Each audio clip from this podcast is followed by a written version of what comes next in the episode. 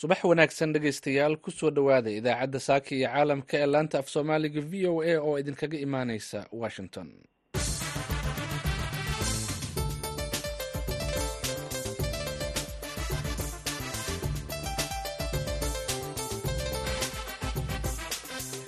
aroor wanaagsan meel kasta oo aad joogtaan waa lixda bisha janaayo ee sanadka cusub ee labada kun afar iyo labaatanka waxaad naga dhagaysanaysaan mawjadaha gaagaaban ee lix iyo tobanka iyo sagaal iyo tobanka mitrban efemyada magaalooyinka geeska afrika qaar iyo bogga v o a somaali com. Saacadda afrikada bari waa lixdii iyo barkii subaxnimo idaacadda saaka iyo caalamka waxaa idinla socodsiinaya. Anigoo ah nuur xasan nuur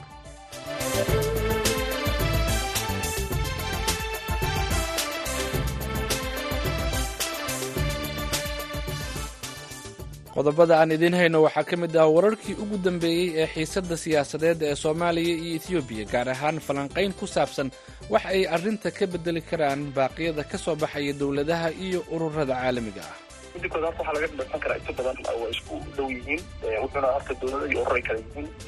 Marka waxa uun maaragtay soomaaliya arrintaas inay tahay waxa maarata qarnimadeeda qalad ku ah oo inay tahay unbay taasaa la isku waafaqsan yahay waxaa kale oo aad maqli doontaan etoobiya oo mar kale difaacday mowqifkeeda ku aadan is-afgaradka ay la gashay somalilan maxay tahay sababta uu u sii xoogaysanayo xiriirka ruushka iyo dalalka afrika ee ay afgembiyadu ka dhacaan?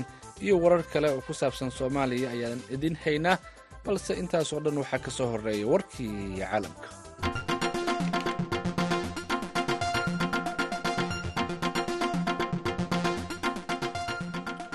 israa'iil ayaa jimcihii shalay sii waday duqaymaha aanan kala go'a lahayn ee ay la beegsanayso bartilmaameedyo dhowr ah oo ku yaalla marinka khaza iyada oo ay qaramada midoobe ka digtay in dagaalkii iyo madaafiicda ku socda khaza ay magaalada ay ka dhigeen meel aanan la degi karin.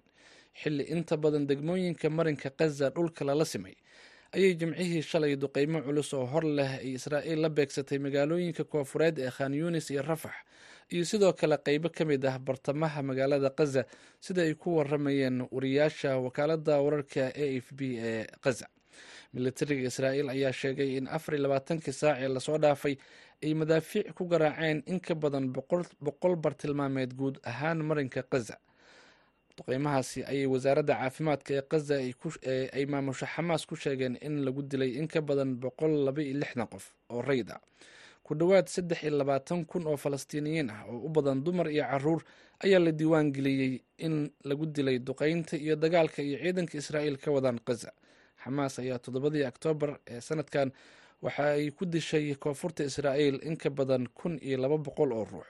Weerarkaasi ayaana sababay in israa'iil ay duqeymo iyo weerar dhulka ah la beegsato khaza halkaasoo ay ku dhinteen kumanaan kun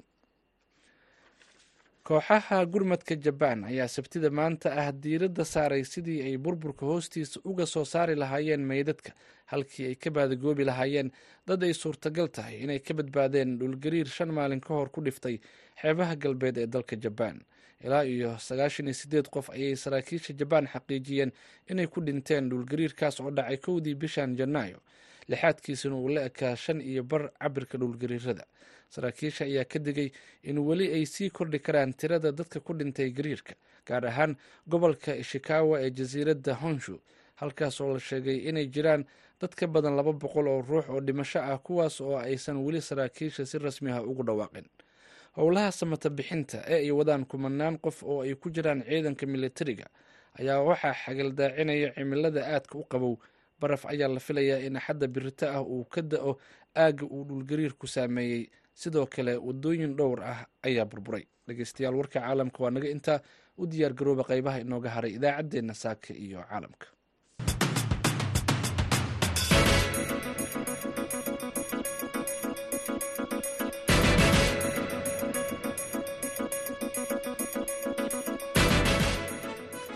subax wanaagsan dhegeystayaal halka aad nagala socotaan waa voice of america washington. Tan iyo wixii ka dambeeyey markii uu soo baxay khilaafka u dhexeeya ethoobiya iyo soomaaliya ee salka ku haya heshiiskii is-afgaradka ahaa ee somalilan iyo ethoobiya ayaa waxaa soo baxayey baaqiyo diblomaasiyadeed oo ay soo saarayeen wadamo iyo ururo caalami ah. Baaqyada ayaa inta badan la xiriiray in la dhowro madax banaanida soomaaliya. Haddaba baaqyadaasi xal ma u noqon karaan khilaafkan ka jira geeska africa wariyaha v o eda cabdicasiis barrow ayaa arrintaasi ka wareystay cabdikaamil abshir oo ka faallooda xiriirka caalamiga ah iyo amniga geeska africa midda kood horta waxaa laga dhadhansan karaa inta badan waa isku dhow yihiin wuxuuna horta dowladda iyo ururay kala yihiin.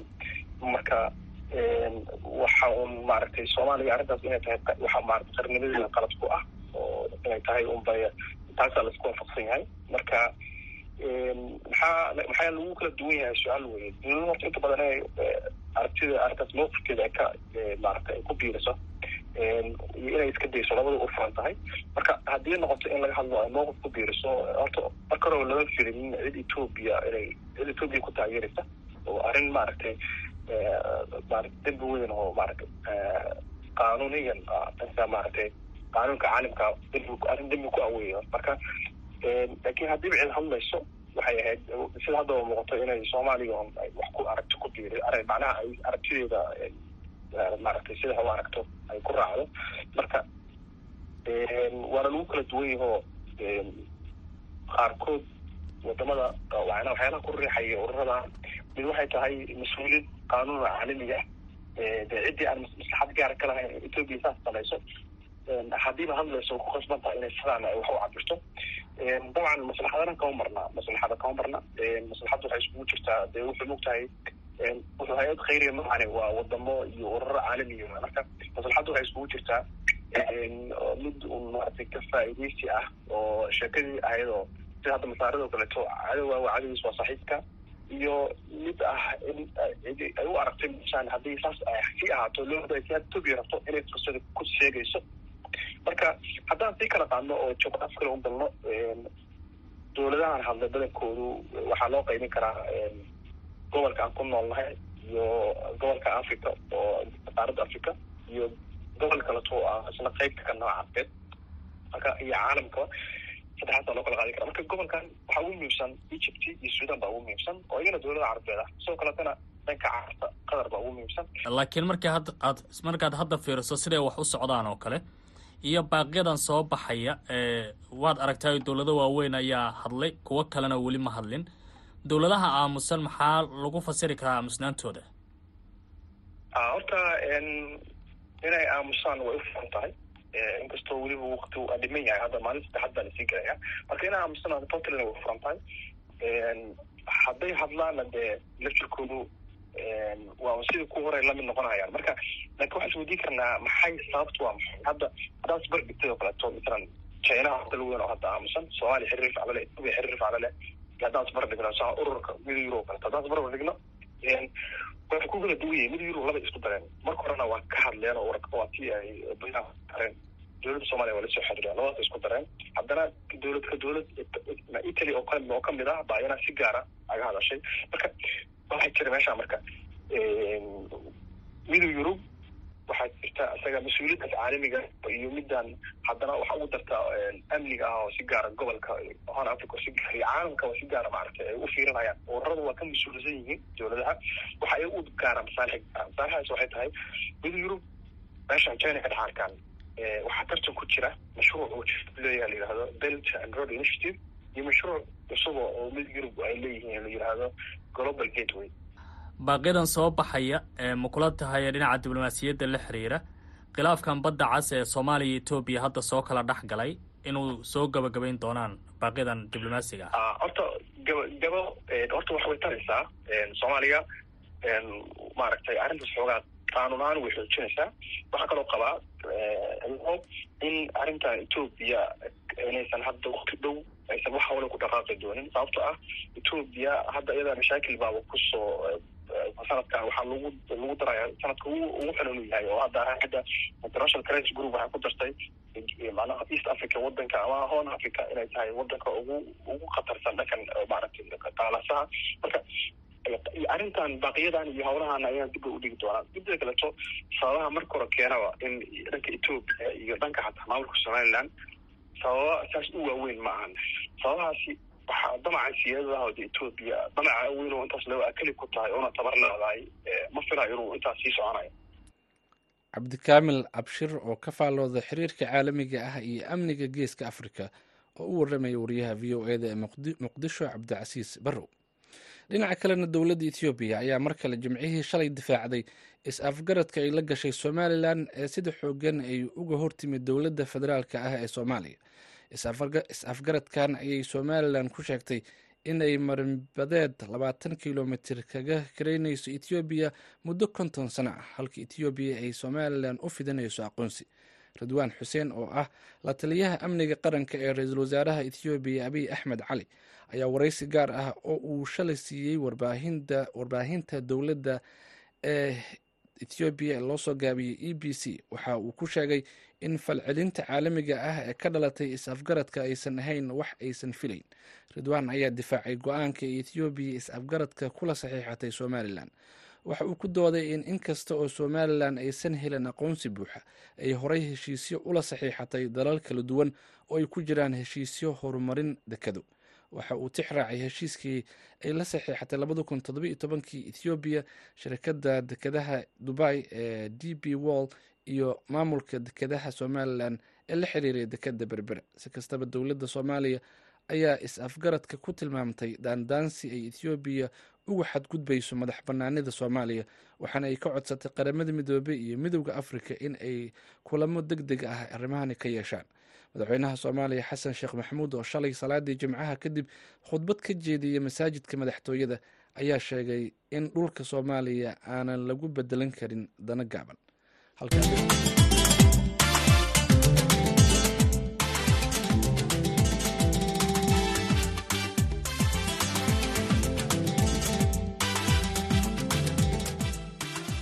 halkaad weli nagala socotaan waa v o a.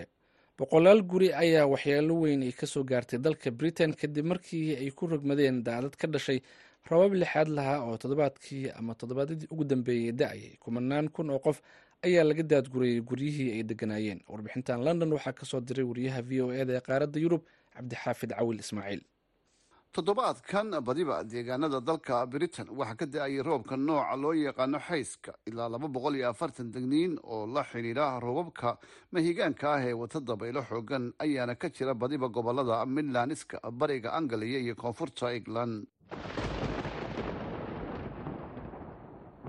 Iyagoo kumanaan qof laga daadgureeyay guryihii ay ku jireen oo qaar badan oo ka mid ahi ay dumeen dhinaca kale daadadka xoogga leh ayaa saameeyey khadadka tareenadu raacaan. Tan oo keentay dib u dhac weyn oo ku yimi isu socodka bulshada iyo gaadiidka. Halka gobolka nottinghamshire shil weyn uu ka dhacay webiga trent hay'adaha gargaarka deg dega ah ayaa iyaguna waxa ay sheegeen inay ku adkaatay in meelaha qaar oo gargaar looga dalbaday ay gaari waayeen. Mustafa yuusuf waa wiil soomaaliyeed khadka telefoonka ayaan kula xidhiiray waxa uu ii sheegay safar shaqo oo uu baxayay inuu joojiyey isagoo ku socday magaalada glasgow kadib markii dhowr jeer la baajiyey tareenkii uu raaci lahaa. Cabdixaafid magacaygu waa mustafe yuusuf oo kala soo hadlaya nottingham. Safarkii aan ku tegi lahaa magaalada glasgow iyadoo uu fatahay webiga magaaladu laba jeer ayaa safarkaa baajiyey dubna u dhiga dad badan oo deganaa webiga agtiisa waxaa daadku qaaday guryahoodii iyo ganacsiyadii ay ku lahaayeen heerka biyaha webiga ayaa gaadhay ilaa shan dhibic shan iyo soddon mitir. Sanadkii labada kun oo webigaasi fatahay ayuu dhararkaasi ku dhowaaday hay'adda biyadda ee britain waxay xaqiijisay in heerkii ugu sarreeyey biyuhu ay gaadheen ilaa afar iyo labaatan sannadood agaasimaha guud ee hay'adda biyadda britain. Ayaa waxaa kale oo ay wakaalada wararka reuters u sheegtay in boqolaal guri ay gaadheen biyaha fatahay. Habeennimadii jimcihii ayna weli ku howlan yihiin sidii ay dadkaasi gargaar u gaadhsiin lahaayeen. Toddobaadkii aynu soo dhaafnay ilaa iyo maanta dalka britain waxaa ka da'aya roobab mahiigaan ah oo wata dabaylo xoogan oo qaarkood loo bixiyey magacyo. Waxaana ugu dambeysay dabayshii xoogga lahayd ee henk waana roobabkii dabaylo xoogan wata ee britain ka da'a kuwii ugu xooga weynaa saddexdii bilood ee ugu dambeeyey cabdixaafid cawil ismaaciil v o a london.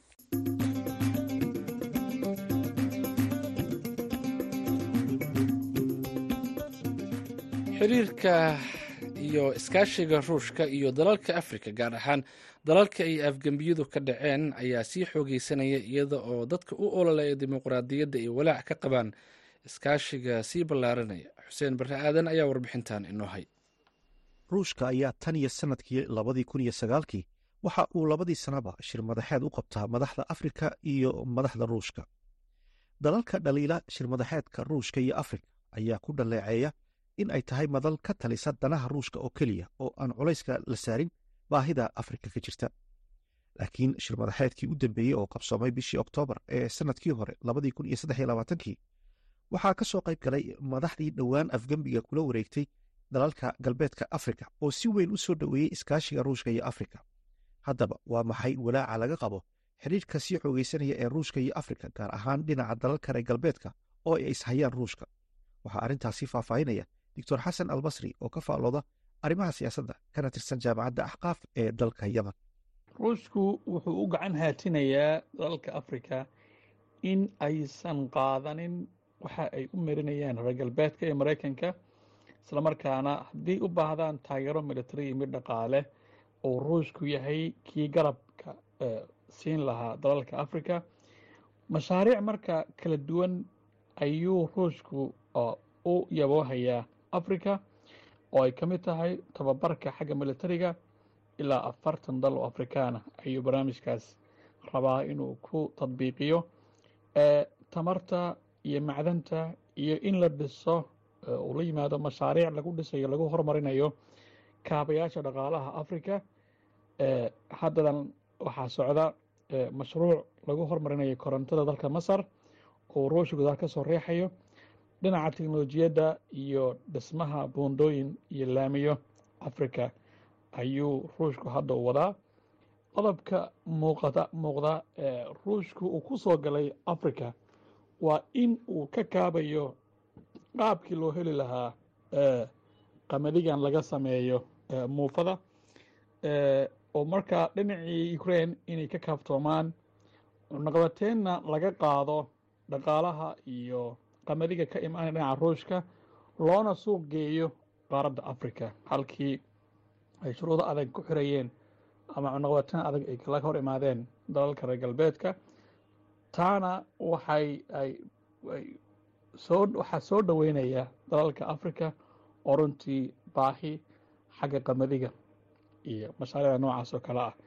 Aada ugu baahan. Waa marka dhinaca kale laga fiirsana hub iyo hubeyn iyo inuu siiyo agabka militariga qaaradda africa uu ka dhiso xagga militari ahaan ayuu ruushku maalmahan dambe wadaa marka dalal ay ka mid yihiin mali iyo burkina faso iyo nature ayuu galaangal siyaasadeed oo dhow ayuu la yeeshay. Isweydiinta kale ayaa ah maxaa ku soo beegay xilligan in uu sii xoogeysto xidhiirka ruushka iyo afrika? Waa kan mar kale doctor xasan albasri. Waktigan waxaa ku soo aadinaya ruushka oo la saaray cunaqabateen dagaalka ukraina kula jira. Wuu arkay fursad uu ka dhex arkay danaha afrikaanka. Oo markaa qaarkood ay ka sii xuubsiibanayaan siyaasaddii faransiiska halkaa ayuu ka soo galay daaqadaas ayuu ka soo galay siyaasadda africa islamarkaana afrikaanku waxay raadinayaan oo baahidooda weyn maanta ay tahay balancy policy siyaasad dhexdhexaada oo markaa mutawaasin ah in markaa ay helaan oo hay'ad ama nidaam dowli ah ama dal awood leh oo markaa derbi ahaan ay ku tiirsadaan dhinaca militariga iyo dhaqaalaha ayay raadin jireen in badan. Marka maraykanka iyo jinaha iyo ruushka ayay kala dooranayaan afrikaanku oo markii xaalado ay u baahdaan deg dega sida tii dhacday corona oo kale. Marka baahidaas iyo mid lamida marka ay ka cararayaan afrikaanku hadda ayay sii qorsheynayaan inay marka dal awood leh oo sida ruushka iyo china oo kale gaar ruushka hadda ay kula jiraan heshiiska inay markaa ay ay la heshiiyaan ruushka si mustaqbalka dhow ay arrimaha iyo baahidaas loo daboolo. Warbixintaasina waxaa nala socodsiiyey wariyaha v o e da xuseen bare aadan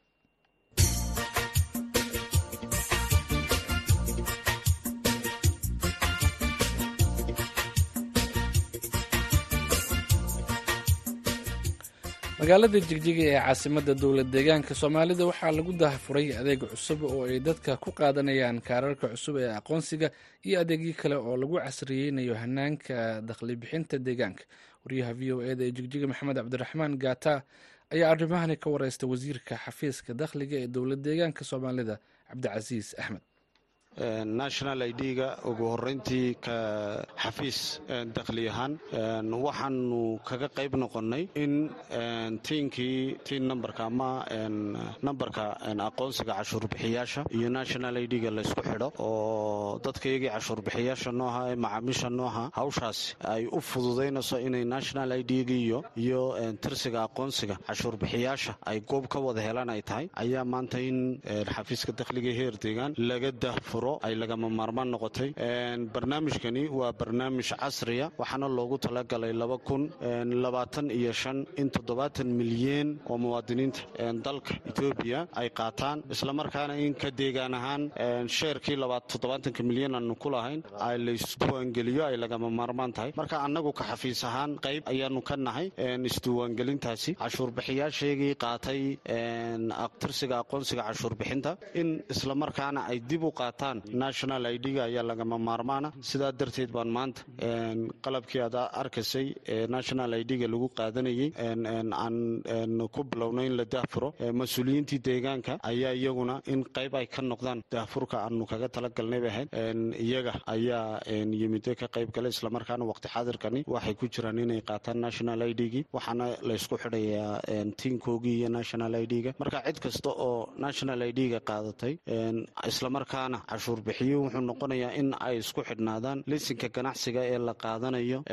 tiin nambarkii iyo national idgii ay isku xidhnaadaan qof kasta oo muwaadina oo ganacsanaya in identitygiisii iyo tiinkii cashuurbixintiisii iyo lisinkiisu ay isku xidhnaadaan islamarkaana in sidii hadda ku hor jirtay nidaamyo khaldan aan nidaamka ganacsiga inta lagu qaato islamarkaana aan ayr layska tuuri karin oo cashuurta aan laga dhuuman karin ayuu annaga ka xafiis ahaan barnaamijkani uu naga saaciidaya nidaamkayga dakhli ururinta wuu casriyeyn doonaa. Nidaamkanna waxa kale uu ku xidhan yahay in nidaamka cashuurta lagu bixinaya e taxiga uu qayb uu ka yahay laftigiisu oo tiin nambarkii iyo e taxigiiba isku xidhan. Islamarkaa national idg iyo tiin nambarkiina way isku xidhan yihiin. Marka waxyaabahani waxay noo saaciidayaan in nidaamka cashuurtaanu ku qaadnaa uu noqdo mid casriya oo cashuur bixiyaashiinina u sahlaya iyagoo gurigoogii fadhiya oo aan ha oo aan imanin goobtii xafiiskii cashuurta lagu qaadayay. Aan imanin in ay cashuurtii bixin karaan kiliransigii ay qaadan karaan liisinkoogina ay cusboonaysin karaan. Waatay barnaamijkan ma u furan yahay cid kasta oo muwaadin oo deegaanka? Cid kasta oo muwaadina oo deegaanka wuu furan yahay kulley national idga meelo kala duwan oo laga qaato. Ayaa jira. Sida baananku way bixiyaan. Utilitiga xafiisyada bixiya sidan ethiopian electric corporation wuu bixiya. Meelo kala duwan oo laga qaadanaya national idga jira. Annaguna goobaha unbaan ka midnahay maadaama cashuur bixiyaasha iyagii iyo laysku xidhayo national idgii marka cashuur bixiyaasha iyaga hadda ka hor tii nambarka marka la qaadanayo biometric keliya tu aha waxaana lagu soo daray iminka in face recognitionki iyo qeybta indhaha qofkii cashuur bixiyaha laga qaado. Islamarkaana goobtaasiu national idgiisina uu ku qaato. Nidaamka ayay annagu adeegaanu bixinano ay isku xidhan yihiin. Cid kasta oo dee muwaadina oo cashuur bixiyaana in dee national idga halkan uu ka qaadan karo way iska caddahay oo labadiiba maadaama isku xidhan yihiin qaabkaa weeyaan annagu arrintani waxaanuu dahfurnay anuu qaadanano mudane wasiir adigoo mahadsan ee barnaamijkan dabcan national idga iyo qorshayaasha kale isku dhex jira hadday casriyeynta dakhliga iyo dhammaan. Dalka etoobiya goorma laga bilaabay national idgan national idga laba sano ka hor ayaa dalka laga bilaabay. Magaalada waxaa lagu tijaabiyey ahayd adisaaba kabacdina in deegaamadii lagu tijaabiyo ayaa lagama maarmaan noqotay. Marka ka deegaan ahaan waa iminka ayaanu ayaanu daahfurnay. Annagoo cashuur tiin nambarka lahaa. In tiin nambarkoogii showgii national idga lagu xidho. Ay lagama maarmaan tahay.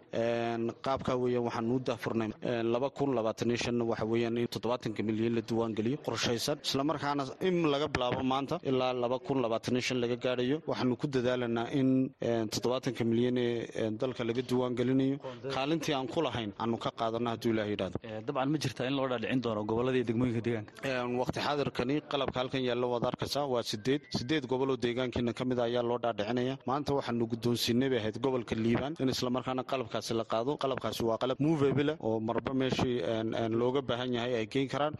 Waxaananu ku tala jirnaa dhammaan goobihii cashuurbixiyaasha laga diiwaangelin jiray oo tiradoodu lixdan ay ahayd. In qalabkani aanu gaadhsiino oo tin numberkii iyo national idgii aanu isku xidhno iminka sideedun baanu haynaa kiidkani lagu diiwaangelinayo national idga waxaananu ku dadaalanaa in dhammaan aanu gaadhsiino goobihii tin numberkaanu ka bixin jirnay. Goobahaasi waa lixdan degmo ayaa deegaankeena tin numberka ka qaata oo infrastructurekii telecommunicationka leh oo internetka leh oo tiinkii laga qaadan karaa. Lixdankaa gooboodba waan rajaynaynaa. In sida ugu dhaqsaha badan aanu gaadhsiino ugu dambaystii adoo ka faa'iidsanayo fursadan idaacadda v eda maxay tahay fariinta ama baaqa u dirayso shaqaalaha dowladda iyo qeybaha kala duwan ee muwaadiniinta deegaanka siday isu diiwaangelin lahaayeen barnaamijkan markaasi national idga waxaan fariin u gudbinayaa cashuurbixiyaasha in ay barnaamijkan ay ka faa'iidaystaan. Cashuurbixiyaashii hadda ka hor tiinka qaatay maadaama la isku xidhayo national idga iyo tiinkii in ay yimaadaan oo ay isdiiwaangeliyaan islamarkaana ay qaataan national idga oo nidaamkan adeeg bixinta iyadoo aanuu fududaynano iyaguna qayb ay ka noqdaan iyagoo gurigoogii xaafadoodii jooga oo noqnoqosho badan aan xafiis ka imanin in ay cashuurta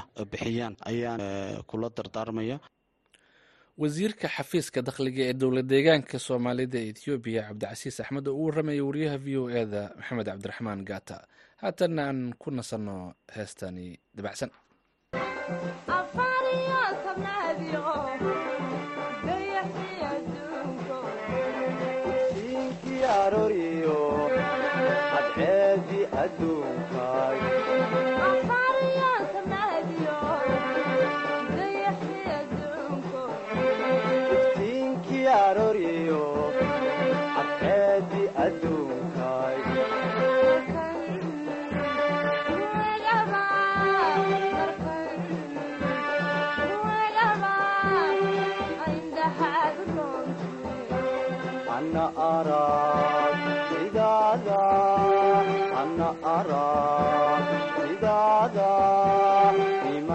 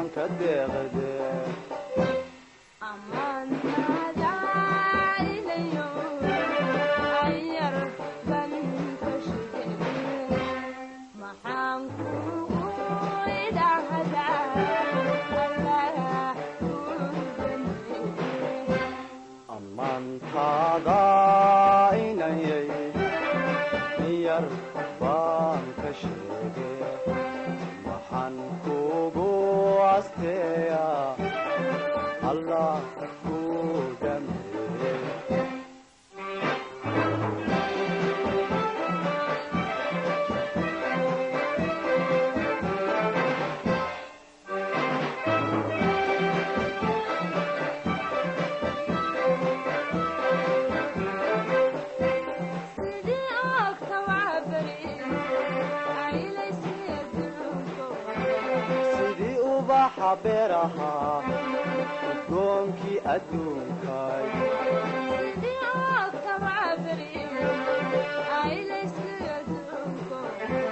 sidii ubaxa beer ahaa udoonkii adduunkay